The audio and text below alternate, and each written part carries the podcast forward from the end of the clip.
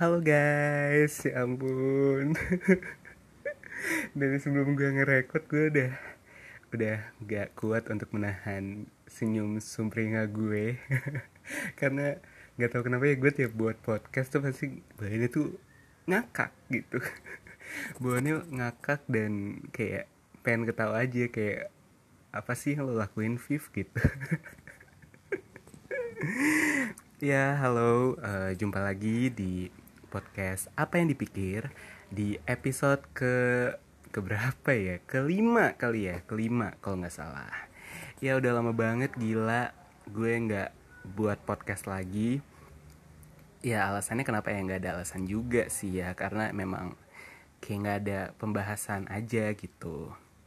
Ya dan um, hari ini di episode kali ini gue pengen apa ya pengen sharing kali ya karena jujur ada uh, satu momen yang bikin gue kayak happy banget gitu happy banget gitu. Kayak semua orang pasti kalau uh, dapetin momen itu pasti happy juga gitu kan.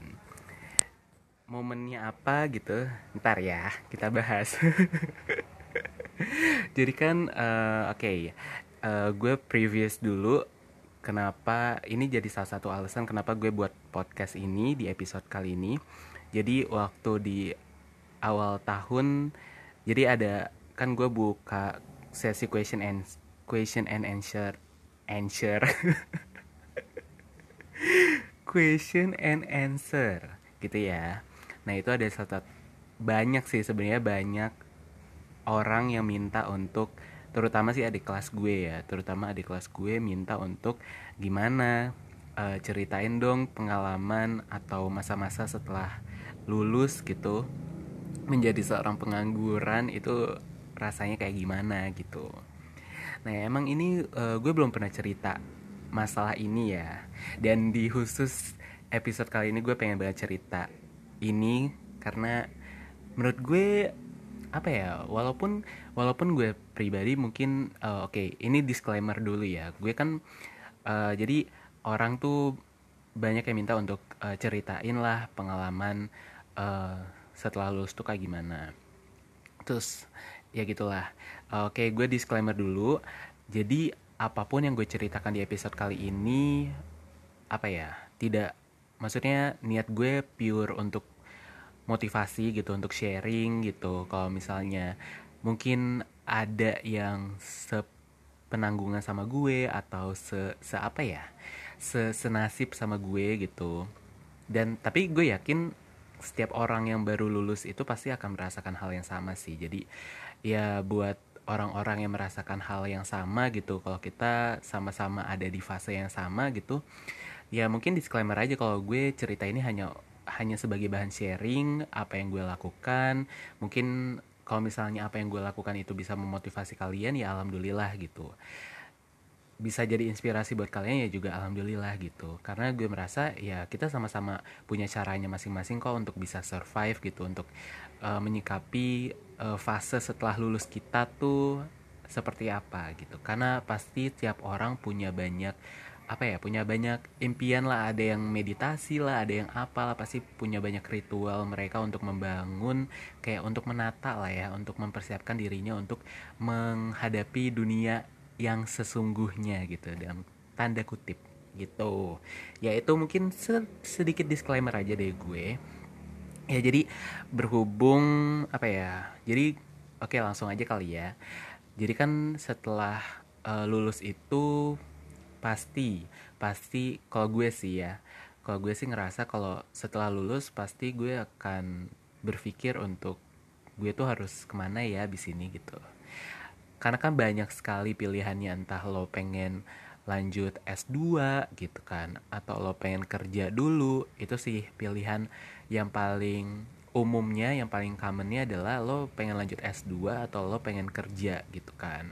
Itu itu ya itu menjadi opsi gue juga gitu. Gue pengen kuliah gue pengen kerja ya gitu. Jadi sebelum gue kuliah eh sebelum gue kuliah sebelum gue lulus gue sempet lah cari-cari beberapa uh, perguruan S2 gitu. Maksudnya kalau biayanya berapa sih kalau misalnya gue pengen S2 gitu kan? Karena gue ada kepikiran untuk jadi dosen gitu saat gue kuliah gitu. Saat gue jadi mahasiswa mendekati gue lulus gue sempat kepikiran untuk gue pengen jadi dosen ah gitu. Karena banyak sekali di kampus atau waktu gue kuliah gitu gue dihadapkan dengan dosen-dosen yang inspiratif buat gue gitu dosen-dosen kesayangan gue yang sangat motivasional sangat inspiratif gitu. Dan itu apa ya kayak gue ngelihat mereka gitu ngelihat beliau-beliau ini tuh keren aja gitu.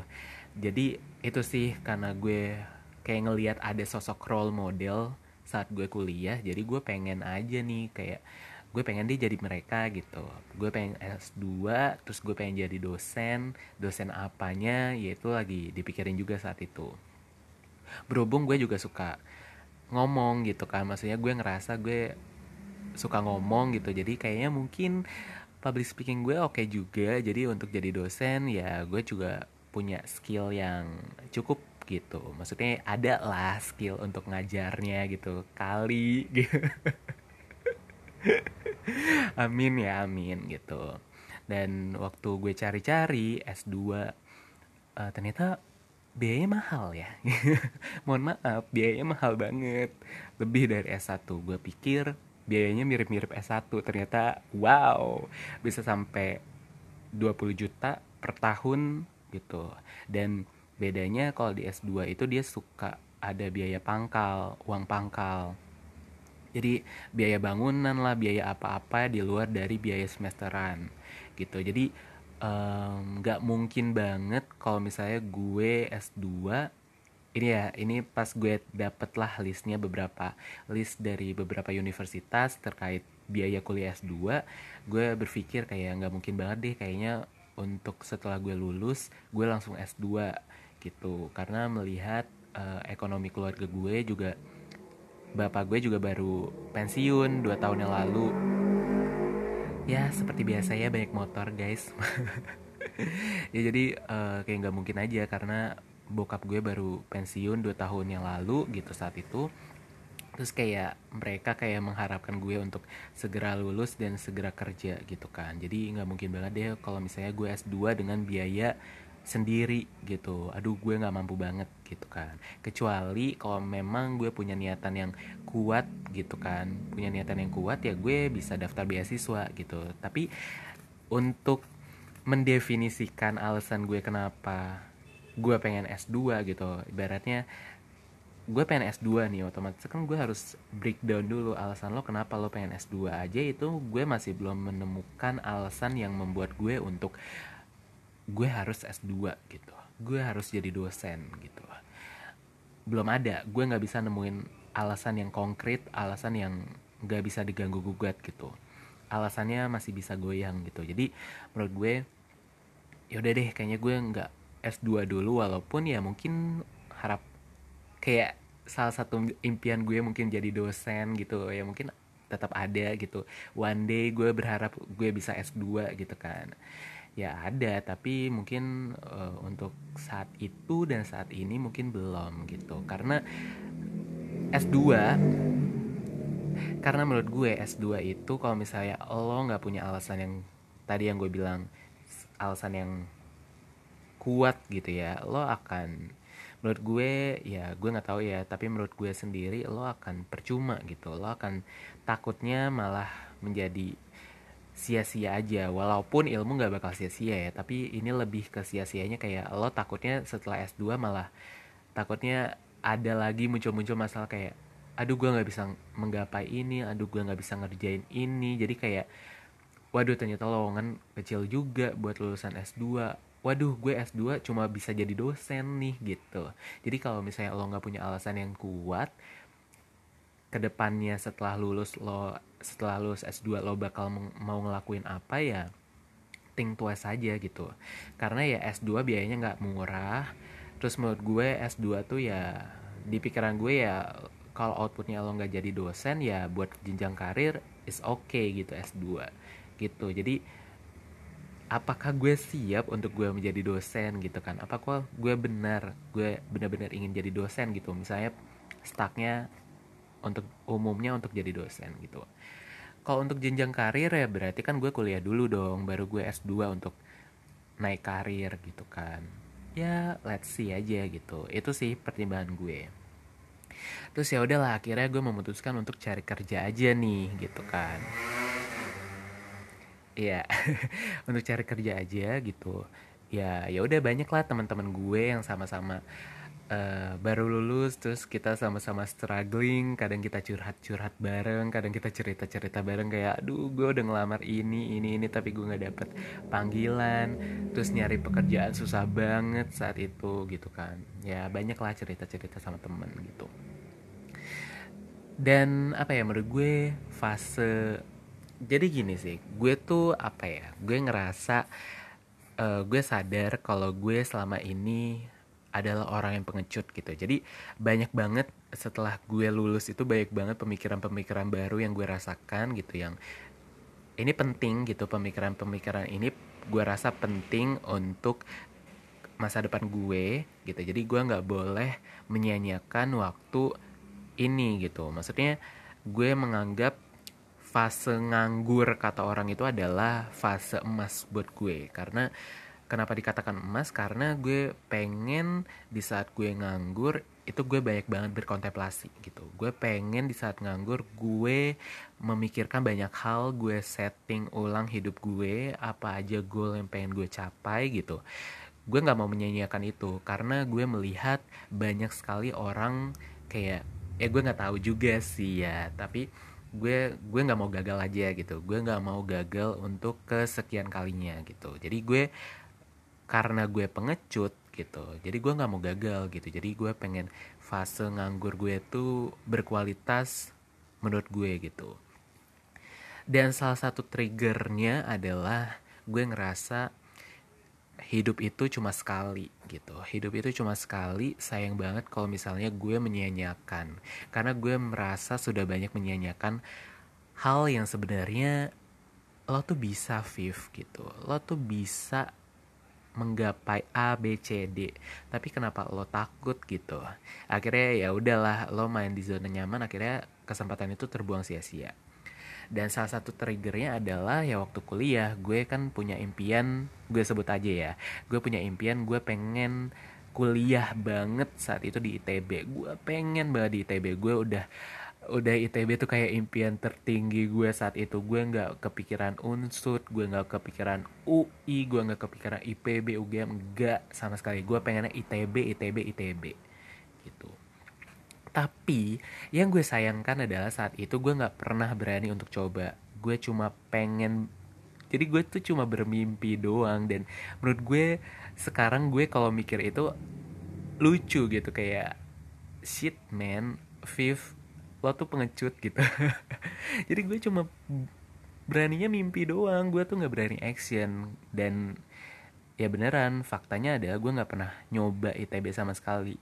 Dan di SNMPTN pun gue nggak nyoba ITB gue udah kalah sebelum gue berperang gitu. Dan akhirnya gue milih unsur dan ternyata gue keterimanya di unsur gitu. Sebenarnya gue nggak menyayangkan hal itu juga gitu kenapa unsur gitu kan ya jelas. Kalau misalnya gue nggak di unsur gue nggak bakal bisa kuliah dan gue nggak nggak bakal bisa lulus dan gue nggak bisa menjadi Rafif yang sekarang. Tapi ini permasalahannya adalah bagaimana lo bisa komit dengan diri lo dan lo lo menggapai impian lo gitu kan masalahnya dan ya udah itu menjadi salah satu hal yang sampai sekarang gue sesali sih. Kalau misalnya lo menyesal apa enggak ya gue menyesal gitu. Karena gue nggak pernah coba gue nggak pernah tahu rasanya berjuang gue nggak pernah tahu rasanya gagal saat itu untuk menggapai impian gue. Karena kan pasti sense-nya atau vibe-nya itu kan pasti beda gitu. Pasti akan lebih ada value-nya dikit walaupun lo gagal gitu pada akhirnya nah itu yang gue gak dapetin dan gue ngerasa kayak oh my god gue ordinary people banget ya gitu. Maksudnya hidup gue kok nyaman-nyaman banget gitu. Maksudnya lo main aman banget gitu. Jadi lo nggak punya cerita-cerita keren gitu menurut gue. Lo nggak punya cerita-cerita perjuangan hidup lo yang sangat berharga gitu kan. Nah itu. Jadi kayak aduh gue menyesal gue ngerasa gue men gue gue gue masih yakin kalau misalnya gue aja saat itu gue mau berusaha pasti gue bisa dapat ITB gitu kan. Ya amin gitu kan saat itu kalau ande-ande gitu kan. Makanya you only live once gitu YOLO gitu you only live once. Dan itu sih yang menjadi salah satu trigger gue untuk oke okay, gue udah lulus gue punya impian baru setelah lo lulus karena gue ya setiap orang pasti punya impian gitu kan sekarang impian lo setelah lulus tuh lo mau apa Viv gitu kan? Hidup lo cuma sekali nih. Lo lo lo puter lagi lo previous lagi hidup lo apa hal-hal yang udah lo buat yang yang menyanyiakan ya misalnya ITB tadi ya lo nggak boleh sampai apa ya pengalaman ITB itu ke, keulang kedua kalinya gitu. Jadi gue ngerasa kayak oke okay, gue harus berani. Gue harus menjadi Rafif yang berani gue harus setting goal ulang harus reset lagi. Gue kayak plan-plan gue atur lo pengen jadi apa ke depannya lo pengen kerja di mana lo pengen tempat kerjanya seperti apa gitu kan. Karena ada berbagai macam jenis. Ada yang corporate ada yang NGO, ada yang startup gitu kan. Banyak sekali jenis-jenis perusahaan dengan budaya kerjanya gitu. Jadi lo pengennya kerjanya seperti apa nih? Jadi itu sih menurut gue kalau gue pribadi gue selalu menanamkan sampai detik ini pun ketika gue nganggur dan ketika gue nggak ada pekerjaan pun gue merasa gue nggak boleh menyanyiakan gue harus tetap bersyukur atas uh, hidup gue sekarang gitu. Kayak gitu jadi gue udah setting ulang akhirnya gue memutuskan untuk uh, ini gue sharingnya bener-bener terbuka aja ya buat ke, ke kalian semua guys. Jadi akhirnya gue punya impian untuk gue menjadi HR gitu. Human resource. Jadi kayak ibaratnya itu kayak PSDM-nya di sebuah organisasi gitu. HR human resource gitu jadi akhirnya gue nemu lah impian gue. Oh gue pengen kerja. Aduh proses menemukan kenapa gue pengen banget kerja jadi HR itu panjang sih sebenarnya berbelit-belit. Karena gue harus bener-bener knowing myself banget gitu. Kayak gue harus kontemplasi banget. Selama nganggur tuh gue harus banyak berbicara sama diri gue. Kayak lo sukanya apa sih Viv gitu? Lo biasanya atau lo sukanya kerja kayak gimana gitu yang sama lah kayak tadi. Ya uh, banyak sih hal pertimbangannya kenapa gue pilih HR gitu ya. Semoga aja harapan mimpi gue ini benar-benar sustain ke depannya komit sampai ke depan ke depannya sampai gue tua nanti ya menjadi seorang HR gitu. Ya alasan-alasan yang gue pilih adalah ya karena gue merasa kayak sebenarnya agak panjang sih ya. Tapi gue coba cerita. Jadi um, kayak gue sempat mengait-ngaitkan dengan uh, apa ya gue gue lihat dulu pengalaman organisasi gue atau selama kuliah gue kuatnya di mana gitu. Gue pengalaman organisasi gue pernah dua tahun di PSDM gitu. Gue suka kerja yang people oriented dan ternyata gue punya pengalaman dua tahun di PSDM gitu yang ngurusin mahasiswa gitu internalnya dan sebagainya. Uh, terus kayak oh ternyata gue pernah ngambil peminatan AKK di Kesmas gitu kan administrasi kebijakan kesehatan. Oh ternyata di AKK itu gue dapet uh, mata kuliah manajemen sumber daya mahasiswa. Oh sebelum AKK sebelum peminatan oh ternyata gue dapet mata kuliah Renval. Oh gue ternyata dapet mata kuliah apa ya uh, basic dasar AKK gitu kayak semacamnya ya gitu gitu dan ya udah ternyata oh loh oh lo tuh suka berkomunikasi dengan orang gitu. Lo tuh orangnya sensitif gitu lo orangnya cukup peka gitu. Oh ternyata MBTI lo INFP ya Pip gitu ENFP gitu. Terus gue cari juga kerja-kerja yang cocok ENFP ENFP itu apa gitu. Ternyata salah satunya HR oh ternyata zodiak lo Cancer ya Viv. Oh gue cari juga. Ternyata Cancer itu punya sisi terkuatnya adalah people oriented atau selalu menyenangkan orang lain peka dengan orang lain. Terus kayak ya udah akhirnya gue summary gue ngerasa oh dengan pengalaman gue yang ada dengan mata kuliah yang pernah gue dapat ilmu yang gue dapat oh ternyata dengan karakter-karakter kepribadian yang gue ada dan gue ngerasa gue mengakui itu adalah gue ya udah akhirnya gue percaya kalau misalnya HR adalah menjadi jalan karir gue gitu. Ya mungkin ini ini kan gue ya mungkin orang lain punya cerita lain gitu kan. Ini yang gue lakukan gitu. Jadi gue gue gue gue cari dulu lo tuh targetnya apa gitu kan. Terus udah udah nemuin target pengen kerjanya jadi seorang HR nih terus kayak oh lo pengen kerja di apa? gitu. Oh lo karena lo orangnya oh, gue pengen deh gue pengen deh kerja dengan lingkungan yang anak-anaknya tuh milenial gitu. Anak-anaknya gue pengen kerja dengan seusia gue rekan kerja gue gue pengen kerja dengan kayak ibaratnya temen dan sebagainya. Akhirnya gue menemukan tempat kerja yang cocok adalah NGO atau enggak startup gitu. Ya udah gue akhirnya fokus lah NGO startup NGO startup NGO startup gitu. Walaupun kadang perusahaan corporate gue coba juga gitu kan. Ya karena gue nggak tahu pintu mana yang kebuka buat gue gitu kan. Terus ya udahlah kayak apa ya ya udah akhirnya gue berjalan seperti itu aja. Gue akhirnya fokus karena gue sudah menemukan goal goal sorry goal goal gue yang harus gue komitmen gitu. Oke, sekarang yang menarik adalah kenapa sih lo tuh milihnya HR gitu? Maksudnya gue sering banget uh, bertanya juga questioning pada diri gue setelah gue berfokus pada HR gitu ya gue kan jurusannya kesmas gue sarjana SKM sarjana SKM tuh apa ya? Sarjana kesehatan masyarakat gitu. Tapi kenapa lo tuh kesmas gitu? Karena kan apa ya sorry. Uh, karena fase nganggur itu adalah mungkin fase yang berat juga. Beratnya adalah karena ya kita nganggur, kita nyari pekerjaan dan beban-beban sosial, beban-beban moral tuh ada di kita gitu. Kayak harapan orang tua, harapan kayak omongan lingkungan itu tuh semua bisa jadi beban kita gitu. Kenapa akhirnya banyak teman-teman gue juga yang ngerasa kayak jadi nganggur tuh susah gitu kan. Beban gitu, beban gitu. Jadi setelah gue setting goals gitu kan kayak gue akhirnya gue questioning lagi kan gue selalu questioning gue selalu questioning sampai gue tuh percaya gue tuh komit gitu gue gue bisa fokus sama diri gue gue questioning terus kenapa karena kan gue juga gambling ya maksudnya gue lulusan uh, kesehatan masyarakat tapi dalam diri gue sendiri gue pengen interest di di dunia HR terus gimana caranya untuk gue bisa branding diri gue gitu? Maksudnya ya gimana pasti kan gue juga butuh keyakinan gitu kan. Walaupun gue udah setting goals tapi kan gue juga butuh keyakinan dalam diri gue sendiri dong. Sendiri dong kayak gue harus lebih yakin lagi sama diri gue.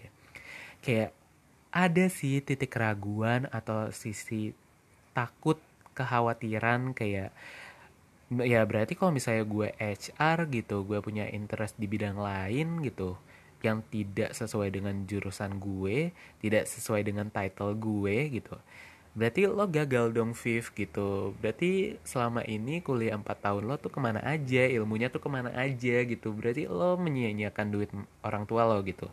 Berarti 4 lo empat tahun lo tuh sia-sia gitu. Itulah itu itu the biggest questioning juga. The biggest question juga yang gue tanyakan. Gitu maksudnya itu salah satunya gitu. Kayak ah iya iya nggak sih? Gitu. Jadi kadang gue tuh juga suka ragu gitu.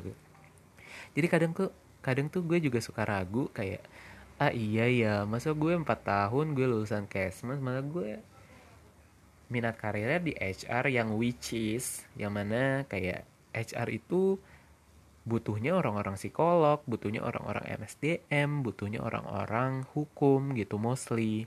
Gitu. Jadi how I compete dengan kandidat-kandidat lainnya gitu. Gimana caranya gue bisa bersaing dengan mereka gitu. Sementara title lo atau lo lulus dari jurusan kesehatan masyarakat yang di mana sebenarnya ranah lo tuh gampang lo udah ada di puskesmas, rumah sakit dan sebagainya itu itu jadi medan itu jadi area kekuasaan lo sebenarnya. Itu bisa jadi kekuatan lo dan lo bisa dapetin pekerjaan lebih cepat di, ketika lo memanfaatkan title title ketika lo memanfaatkan apa ya lulusan apa ya bachelor lo gitu. Lo kan akan lebih mudah gitu untuk mendapatkan pekerjaan gitu. Sementara ketika lo punya interest karir yang beda ya lo akan lebih susah dapat pekerjaan dong. Dan itu gue ngerasain banget. Gue agak banyak terseok-seoknya gitu. Jadi kayak ya gila sih gue tuh nganggur tuh udah lama banget gitu. Menurut gue sih lama ya tapi menurut orang lain mungkin ya sebentar atau apa.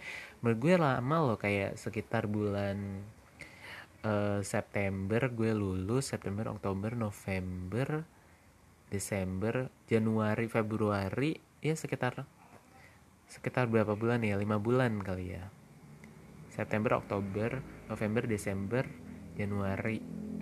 Ya enam bulanan gitu. Enam bulan enam bulanan gue baru dapet kerja gitu kan. Menurut gue itu itu fase yang lama loh. Maksudnya dalam enam bulan tuh ya lo nggak ngapa-ngapain lo nganggur lo coba sana sini tapi gagal lo kecewa lo ngerasa nggak yakin. Itu ada fase yang lama gitu menurut gue gitu. Lo harus menahan enam bulan dengan perasaan yang diomongin sama orang lain mungkin diomongin sama tetangga gitu atau diomongin sama orang tua lo itu menjadi suatu beban yang enam bulan tuh atau bahkan lebih teman-teman gue itu akan menjadi fase terberat gitu menjadi pengangguran.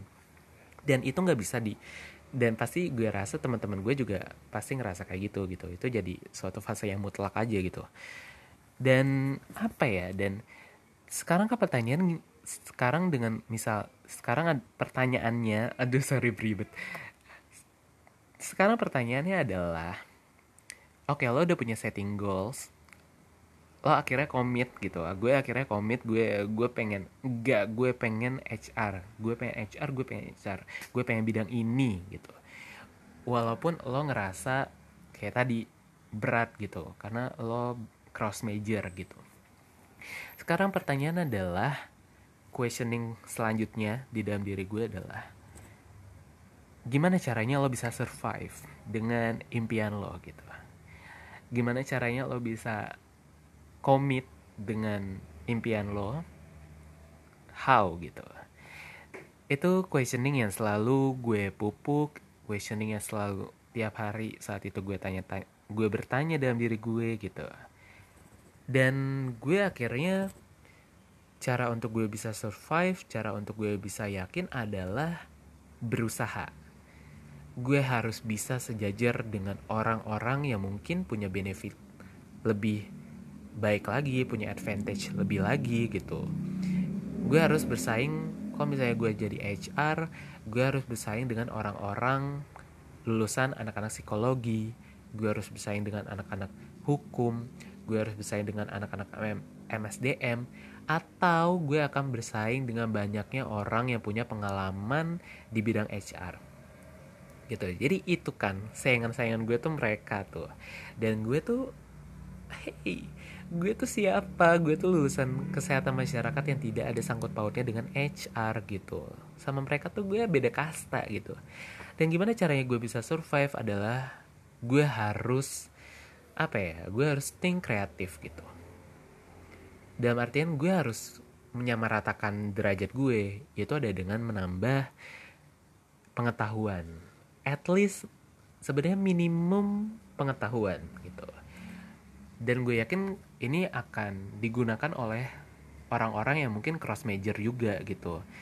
Ilmu jadi menambah ilmu itu adalah langkah first stepnya yang paling gampang gitu. Akhirnya gue bu belilah buku-buku HR gitu at least buat nambah ilmu buat gue aja sih at least buat nambah pengetahuan gue terkait HR gitu. Dan at least biar gue cantumin di CV juga kalau misalnya gue punya effort oh gue punya gue pernah baca buku HR loh gitu. Minimal effort yang kecil menurut gue itu effort yang kecil tapi bermakna buat diri gue gitu kan. Ya walaupun gue ya walaupun ilmu yang gue baca di buku tidak seberapa dengan ilmu-ilmu yang diberikan dosen oleh mereka-mereka ini yang sesuai dengan jurusannya ya ya bakal kalah sih. Tapi kan at least gue berusaha untuk baca gitu kan. Menambah pengetahuan. Terus akhirnya gue gue ngerasa gue nggak puas gitu kayak aduh kurang nih kalau cuma baca buku doang kurang. Selain dengan organisasi ya oh ya gue gue juga cantumin kayak apa ya kayak gue juga punya amunisi adalah pengalaman organisasi juga di PSDM gitu kan. Kurang nih kurang gitu kan. Selain dengan pengalaman organisasi juga is not enough gitu buat gue bisa sebanding sama mereka gitu. Ya jadinya gue beruntungnya gue ketemu sama temen gue anak psikologi. Dia itu bro, ya dia emang baik banget sih temen SD gue ini. Kita emang kadang suka chatan chatan gitu suka cerita cerita dan mereka dan teman gue ini tidak tidak merasa kalau gue adalah saingannya gitu malah berbaik hati. Gue dikirimkan uh, workshop terkait basic management HR dan menurut gue itu aduh thank you banget gitu kayak I'm so pleased gitu kayak gue seneng banget. Akhirnya gue langsung dan kebetulan biayanya juga murah sih 500 ribu ya udahlah pokoknya yang penting gue dapet sertifikatnya dulu nih workshop basic management HR gitu kan. Kayak akhirnya gue dapet lah at least tuh biar gue tuh punya apa ya punya ya kan kita kan sama-sama pengen apa ya pengen apa sih pengen bersaing lah. Berarti kan harus punya kompetensi-kompetensi atau ya bagus-bagusin kualitas diri dong. Akhirnya ya udahlah gue nambah workshop terus nambah webinar-webinar. At least ya itulah upaya-upaya gue yang kayak ya kecil sebenarnya. Ya mungkin mungkin gak bisa dampak bawa dampak banyak-banyak gitu. Tapi menurut gue itu menjadi upaya-upaya buat gue confidence dan buat gue untuk survive sampai detik ini gitu kan. Kayak gitu. Jadi itulah kayak itu sih yang gue itu yang itu sih yang gue terapkan gitu selama ini. Questioning gimana caranya gue bisa survive akhirnya terjawab gitu. Tapi ada lagi kayak kan uh, apa ya gue juga yakin gue gue tuh juga yakin kalau ya gimana saat ya saat proses nganggur itu berjalan gitu saat proses nganggur itu berjalan dan gue belum dapat pekerjaan gue kan juga maksudnya gue tetap questioning sama diri gue kayak gimana kalau misalnya beneran gak di HR gitu? Nggak beneran gak di HR dan beneran gak di kesehatan masyarakat gitu. Karena kan uh, sayangan banyak banget ya. Maksudnya gue tuh Oke, okay, ini uh, gue pengen cerita satu poin yang menurut gue harus banget ditanemin sama setiap orang. Karena gue percaya, karena poin ini help me a lot banget gitu. Membuat diri gue lebih, apa ya, gue merasa lebih confident dan gue lebih percaya diri. Gue lebih merasa kayak, oh nganggur itu bukan suatu hal yang harus lo apa ya lo lo aib gitu nggak perlu nganggur itu bukan sebuah aib tapi lo bisa ngubah nganggur itu jadi sebuah rasa syukur gitu. Kayak kan kita kan uh, setelah lulus kan ibaratnya nih kayak apa ya kita kayak jual diri gitu. Maksudnya kayak kerja kan kayak lak-lakan terus kayak lo bersaing sama banyak orang gitu. Gimana kalau misalnya gue kerja tidak sesuai dengan impian gue gitu? Tidak sesuai dengan bidang dua itu dua bidang itu. Tapi gue juga pengen kerja yang apa pun pekerjaannya at least gue suka pekerjaannya. Maksudnya gimana tuh? Apa pun pekerjaannya at least gue suka pekerjaannya. Apa pun pekerjaannya at least gue mampu dulu gitu. Maksudnya gue tahu dulu gambaran pekerjaannya tuh seperti apa gitu. Apakah gue suka apa enggak gitu. Dan dan apa ya? Dan akhirnya gue berpikir kreatif gitu. Jadi menurut gue apa ya setiap orang tuh harus punya sisi kreatif dalam hidupnya. Survival skill survival mindset gitu menurut gue gitu.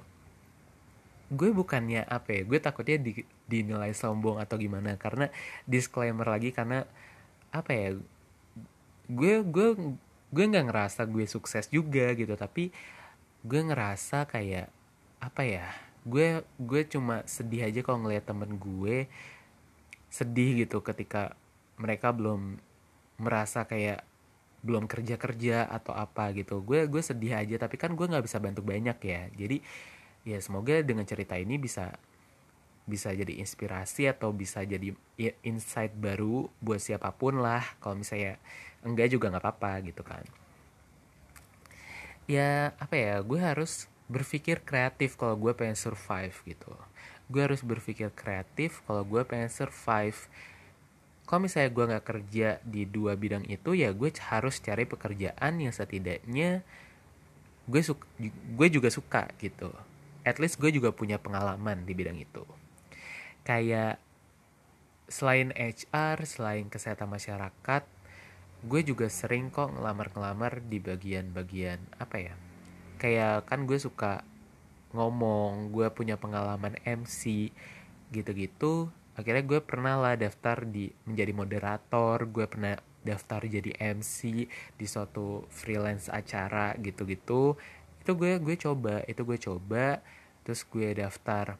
Gue pernah suka editing video editing video akhirnya ada konten creator buka lowongan konten creator akhirnya gue daftar gitu. Jadi kayak apa ya menurut gue kayak apa sih? Kayak kita harus think kreatif aja gitu. Jadi oke okay, lo punya set goals nih. Ini ini cerita tentang gue ya. Gue punya set goals ya menjadi seorang HR tapi even enggak. If kalau misalnya gue nggak even if kalau misalnya gue nggak nyampe atau gue nggak menggapai HR harusnya gue punya backupan. Tapi backupan gue tuh harus yang gue sukai juga gitu.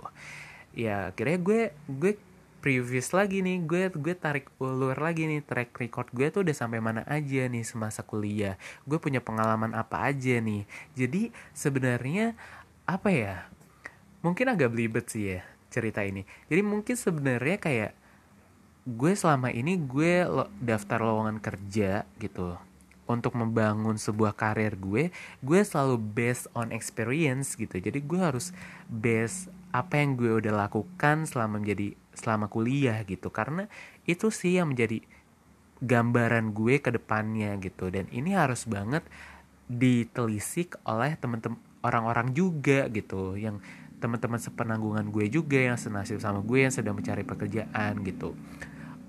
Jadi jangan sampai kan banyak ya istilah kayak kita asal sebar CV aja gitu kita kerja yang penting nyangkut gitu kan. Kita kerja yang penting nyangkut apa aja jobnya apa aja posisinya.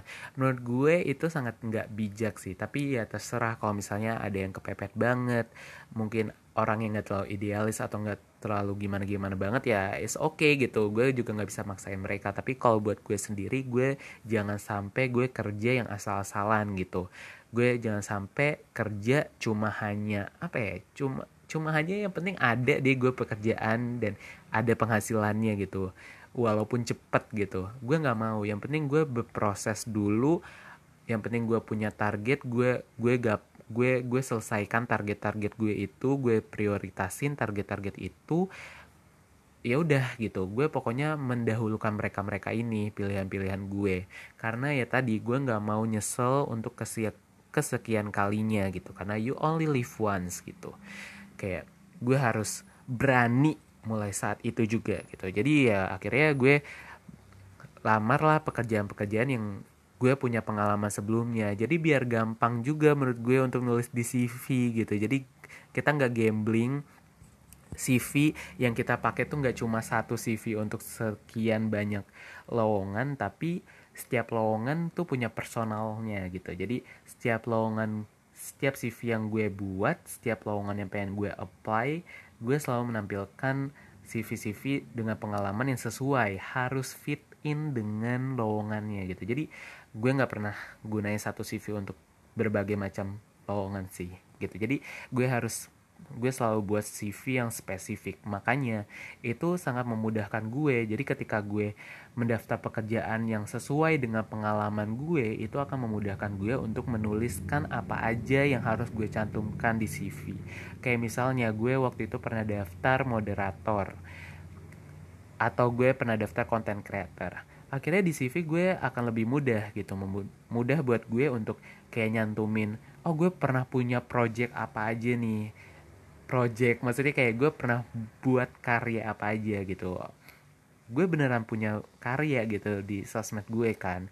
Gampang gitu gue nyantumin karya-karya gue. Kayak gue punya video stop motion. Ya gue nggak tahu sih ini nilai nilai apa ya seberapa kuat di mata recruiter. Tapi at least ketika gue daftar konten creator gue punya wujud konkretnya kalau gue pernah buat konten gitu ya itu semua gue cantumin gue cantumin uh, gue punya skill editing video gue cantumin video mana yang pernah gue edit melalui karya-karya gue.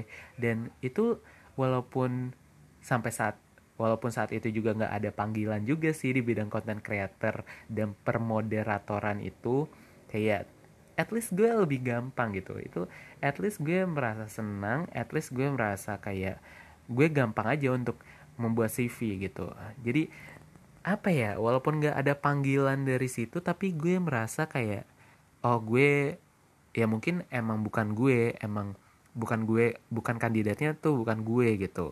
Gue mungkin lebih kurang masih banyak yang kurang gitu. Tapi gue punya experience yang kalau misalnya butuh pembuktian ya gue bisa buktikan gitu. Jadi gue menjadi seorang pelamar yang serius gitu. Gue menjadi seorang pelamar yang oh gue nggak ngelamar asal-asalan gitu. Itu sih yang gue tanamkan. Jadi gue orang yang nggak pengen ya walaupun kerja kerja apa aja tapi se nggak sekerja apa eh gimana ya bahasanya? Sekerja apa-apa aja yang penting gue suka dulu gitu. Yang penting gue punya pengalaman yang penting gue punya gambaran.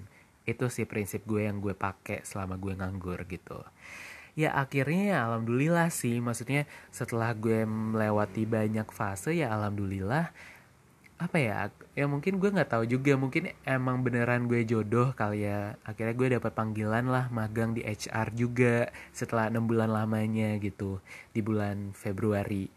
Ya walaupun cuma magang menurut gue itu adalah sebuah apresiasi juga buat gue. Gue seneng banget saat itu. Gue akhirnya bisa kerja di bidang bener-bener gue kerja di bidang HR gitu yang yang awalnya gue selalu questioning beneran gak sih lo tuh mampu gak sih Viv untuk bidang HR gitu.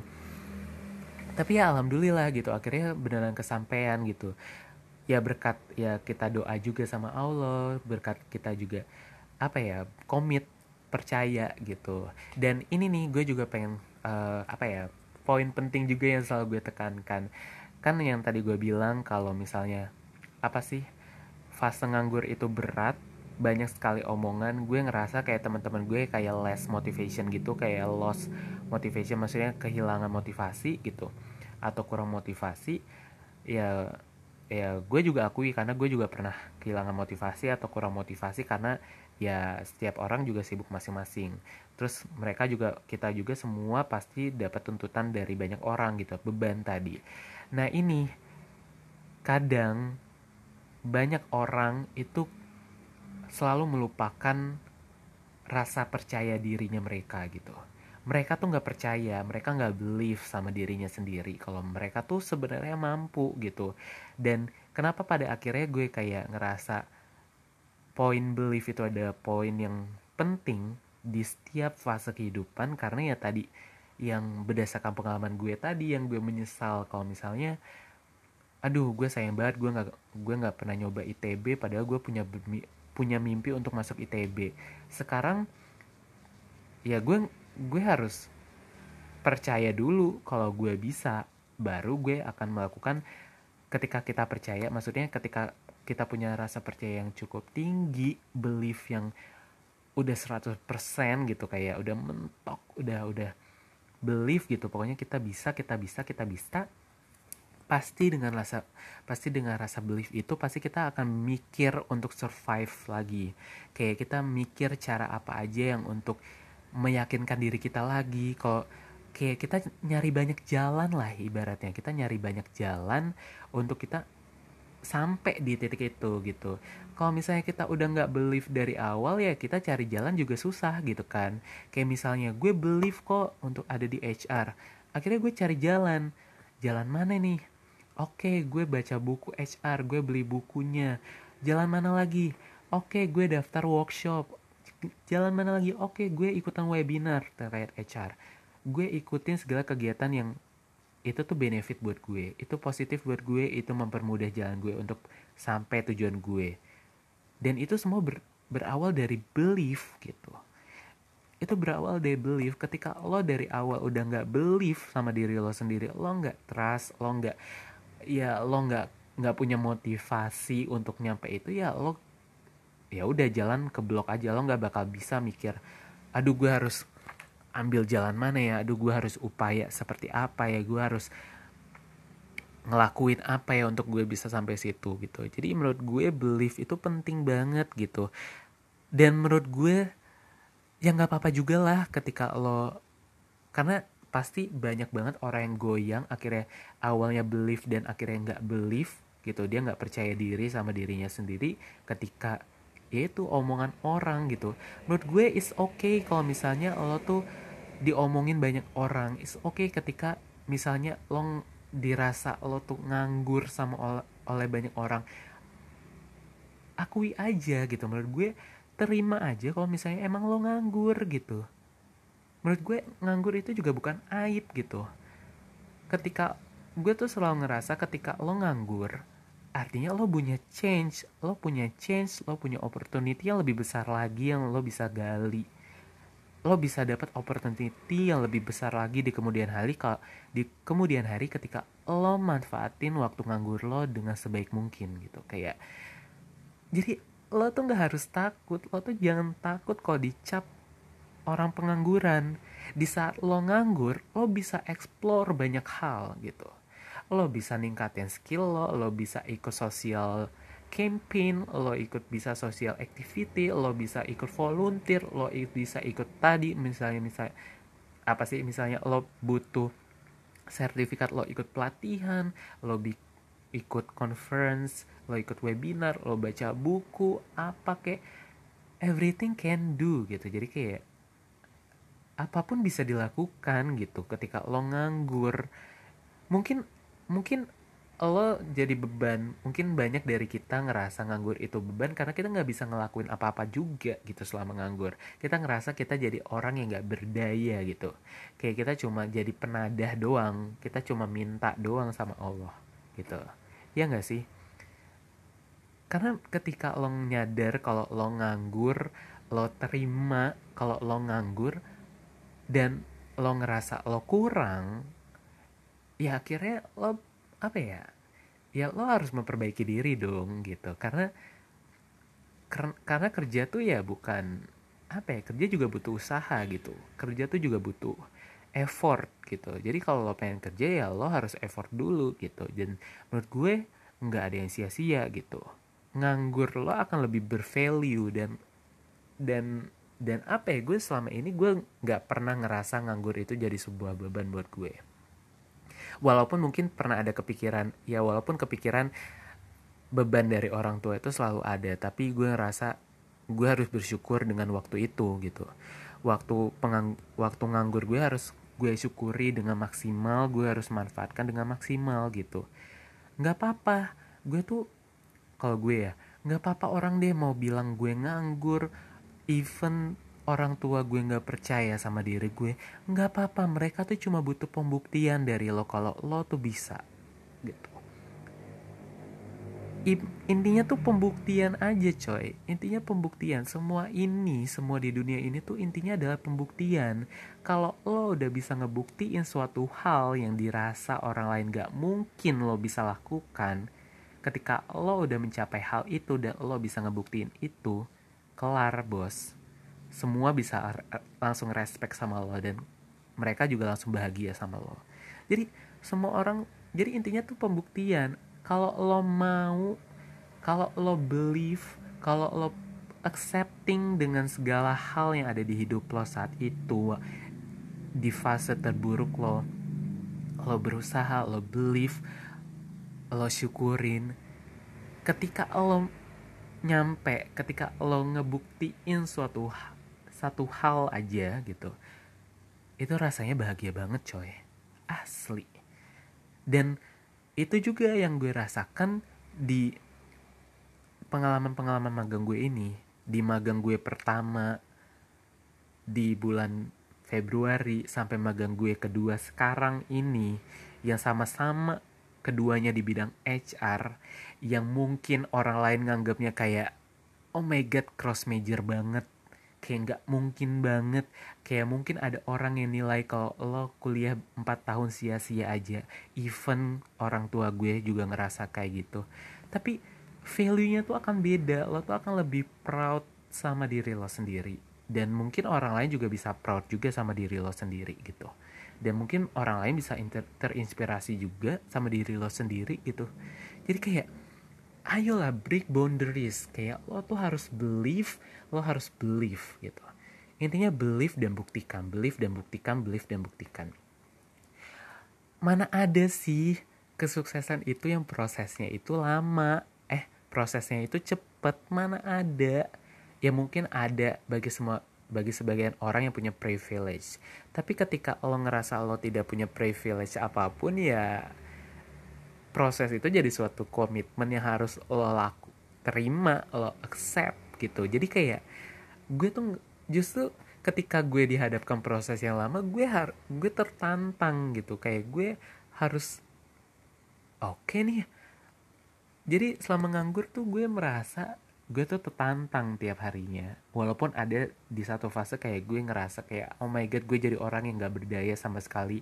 Gue jadi orang yang ngerasa gue menjadi orang yang tidak berguna gitu. Itu tuh rasa itu pasti ada coy. Gue sering ngeram gue sering juga ngerasain gue jadi orang yang gak berguna buat keluarga. Gue sering juga tapi gue balik lagi prinsip gue di awal you only live once gitu. Gue nggak mau ada penyesalan untuk kesekian kalinya. Percuma juga gue hidup kalau misalnya gue cuma gue gunakan untuk menyesal gitu. Gue harus buat sebuah kebahagiaan gue harus buat kesuksesan diri gue sendiri gitu. At least kesuksesan itu yang apa ya kesuksesan itu kadarnya itu ada di di diri lo ketika lo mencapai suatu hal yang mungkin simple sederhana tapi lo ngerasa itu adalah suatu yang berharga gitu. Itu menjadi bisa menjadi suatu hal yang sukses buat diri lo dan itu bisa kita bisa jadi rasanya bangga banget pasti gitu. Jadi karena prinsip tadi ya ya udah akhirnya gue walaupun dengan rasa ketidakbergunaan di dalam suatu keluarga di dalam suatu lingkungan tapi ya dengan prinsip itu gue akhirnya accepting aja gitu. Gue terima dan gue nikmatin aja prosesnya. Karena gue yakin proses itu nggak secepat itu buat gue. Karena gue nggak punya privilege apa apa pengalaman organisasi yang cuma dua periode. Kalau misalnya enggak gue tambah workshop kalau enggak gue tambah pengetahuan cuma ngandelin pengalaman organisasi is nothing is not enough gitu. Jadi menurut gue itu nggak cukup gitu lo harus ekstra lebih keras seribu kali sama orang-orang yang mungkin punya privilege lebih gitu. Ya udahlah nikmatin aja prosesnya gitu. Menurut gue sih gitu aja gitu. Dan ya mungkin ya disclaimer lagi gue sampai detik ini gue sampai gue cerihat cerihat aduh sampai gue cerita di episode kali ini maksud gue bukan gue sombong atau gimana. Gue ngerasa ya gue juga belum sampai apa-apa. Gue tuh cuma magang. Magang kontrak tiga bulan kelar gitu. Perjalanan gue juga masih panjang gitu kan. Di sini gue juga nggak mengakui kalau gue sukses atau gimana. Gue perjalanan gue juga masih panjang. Tapi alasan gue share ini karena gue melihat di ya ya buat teman-teman gue buat lulusan-lulusan alumni dari jurusan gue nggak ada yang ngebangun sebuah iklim yang untuk sharing tempat gue tempat sharing pengalaman apa ya pengalaman semasa kerja pengalaman selama nganggurnya dari para alumni. Nggak ada yang bisa sharing tuh susah gitu. Lo pengen approach alumni juga mungkin alumninya sibuk gitu dan sebagainya. Soalnya gue ngerasain itu gitu. Gue harus gila ya alumni nggak ada yang peduli gitu. Maksudnya ya setiap orang nggak ada yang peduli kalau misalnya nggak ada orang yang kepentingan gitu. Misalnya lo nggak approach lo misalnya nggak punya inisiatif untuk ngekontak dan sebagainya ya nggak ada lingkungan yang suportif supporting lo untuk lo bisa survive di saat nganggur mungkin di saat terpuruk lo yang nggak ada gitu. Gue sempet kok ngalamin kayak gue harus approach beberapa alumni untuk gue ya walaupun terkesan SG, SKSD tapi gue ngerasa itu adalah suatu hal yang harus gue lakukan karena ya gue nggak mau. Ya gue nggak mau aja gitu jadi orang yang pasrah atau stres dengan masa nganggur gue. Gue pengen ada pencerahan di tiap titiknya gitu. Jadi kayak ya itu episode kali ini bener-bener apa ya bener-bener kayak gue cuma pengen sharing aja gitu. Gue pengen sharing aja kayak lo tuh harus man you only live one you only live one you only live once you only live once gitu. Jadi please.